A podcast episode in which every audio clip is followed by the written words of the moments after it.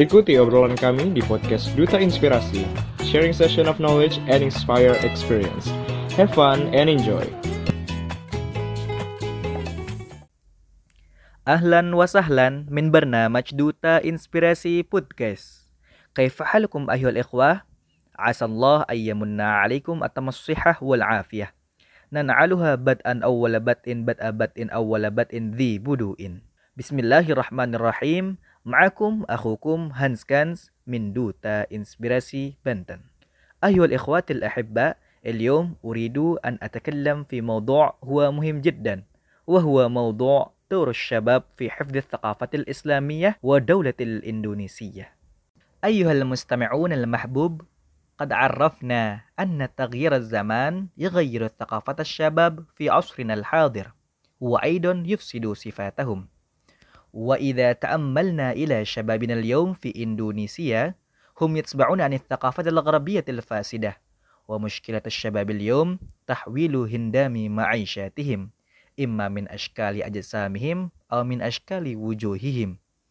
قال رسول الله صلى الله عليه وسلم من تشبه بقوم فهو منهم. بعد سمع هذا الحديث أدركنا أن النبي صلى الله عليه وسلم نهى نهيا شديدا عن التشبه والتفرج ثم التقليد بالثقافة الغربية الفاسدة.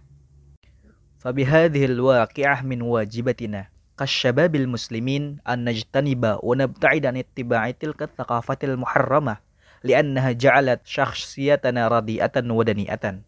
وهذا لأن الغربيين هم يستغرقون أوقاتهم في التمتع فقط كالزنا وشرب الخمر ومشاهدة أفلام الإباحية دون التفكير عن الإله الذي خلقهم وعن الرب الذي منحهم الحياة. فأما المسلمون ينتهزون أوقاتهم لذكر الله ويعملون ما أمرهم الله ويجتنبون عما نهاهم. أيها الإخوات الأحباء كما علمنا أن الشباب دور هام في مراحل حياة الإنسان حيث تنتقل في الأدوار من الطفولة إلى المراهقة وهو كذلك دور التأهيل إعدادا لمقابلة المستقبل إما أن يكون خيرا ناجحا وإما أن يكون سيئا فاشلا. كما قال المحفوظات شبان اليوم رجال الغد. فالشباب لهم دور مهم في حفظ الثقافة الإسلامية وخاصة في إندونيسيا لأن الشباب كجيل الناشئ ليستمر حياة آبائهم وسوف يتأثر بالشباب في بلادهم مؤثرة تامة. وقد علمنا ما قاله الشيخ شوكي بك في شعره. إن في أيديهم أمر الأمة وفي أقدامهم حياتها. إذا فكيف حال بلادنا إندونيسيا في المستقبل؟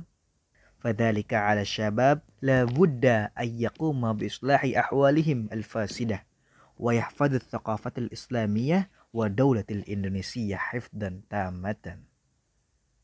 أيها المستمعون المحبوب على أكتاف الشبان عبء ومسؤولية كبيرة لأنهم وكلاء التجديد ورواد النجاح وشبانهم نور أبدي وروح جديد لكل شعب يشتع ويرسل أشعته دائما كما تنور شمس الأرض أبدا.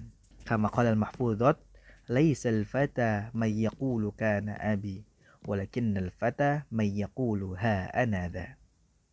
فبناء على ذلك نحن كسائر الشباب وأمة الإسلامية علينا أن نجتنب ونبتعد عن الثقافة الغربية الفاسدة ونتمسك بالثقافة الإسلامية ودولة الإندونيسية لحياتنا المستقبل.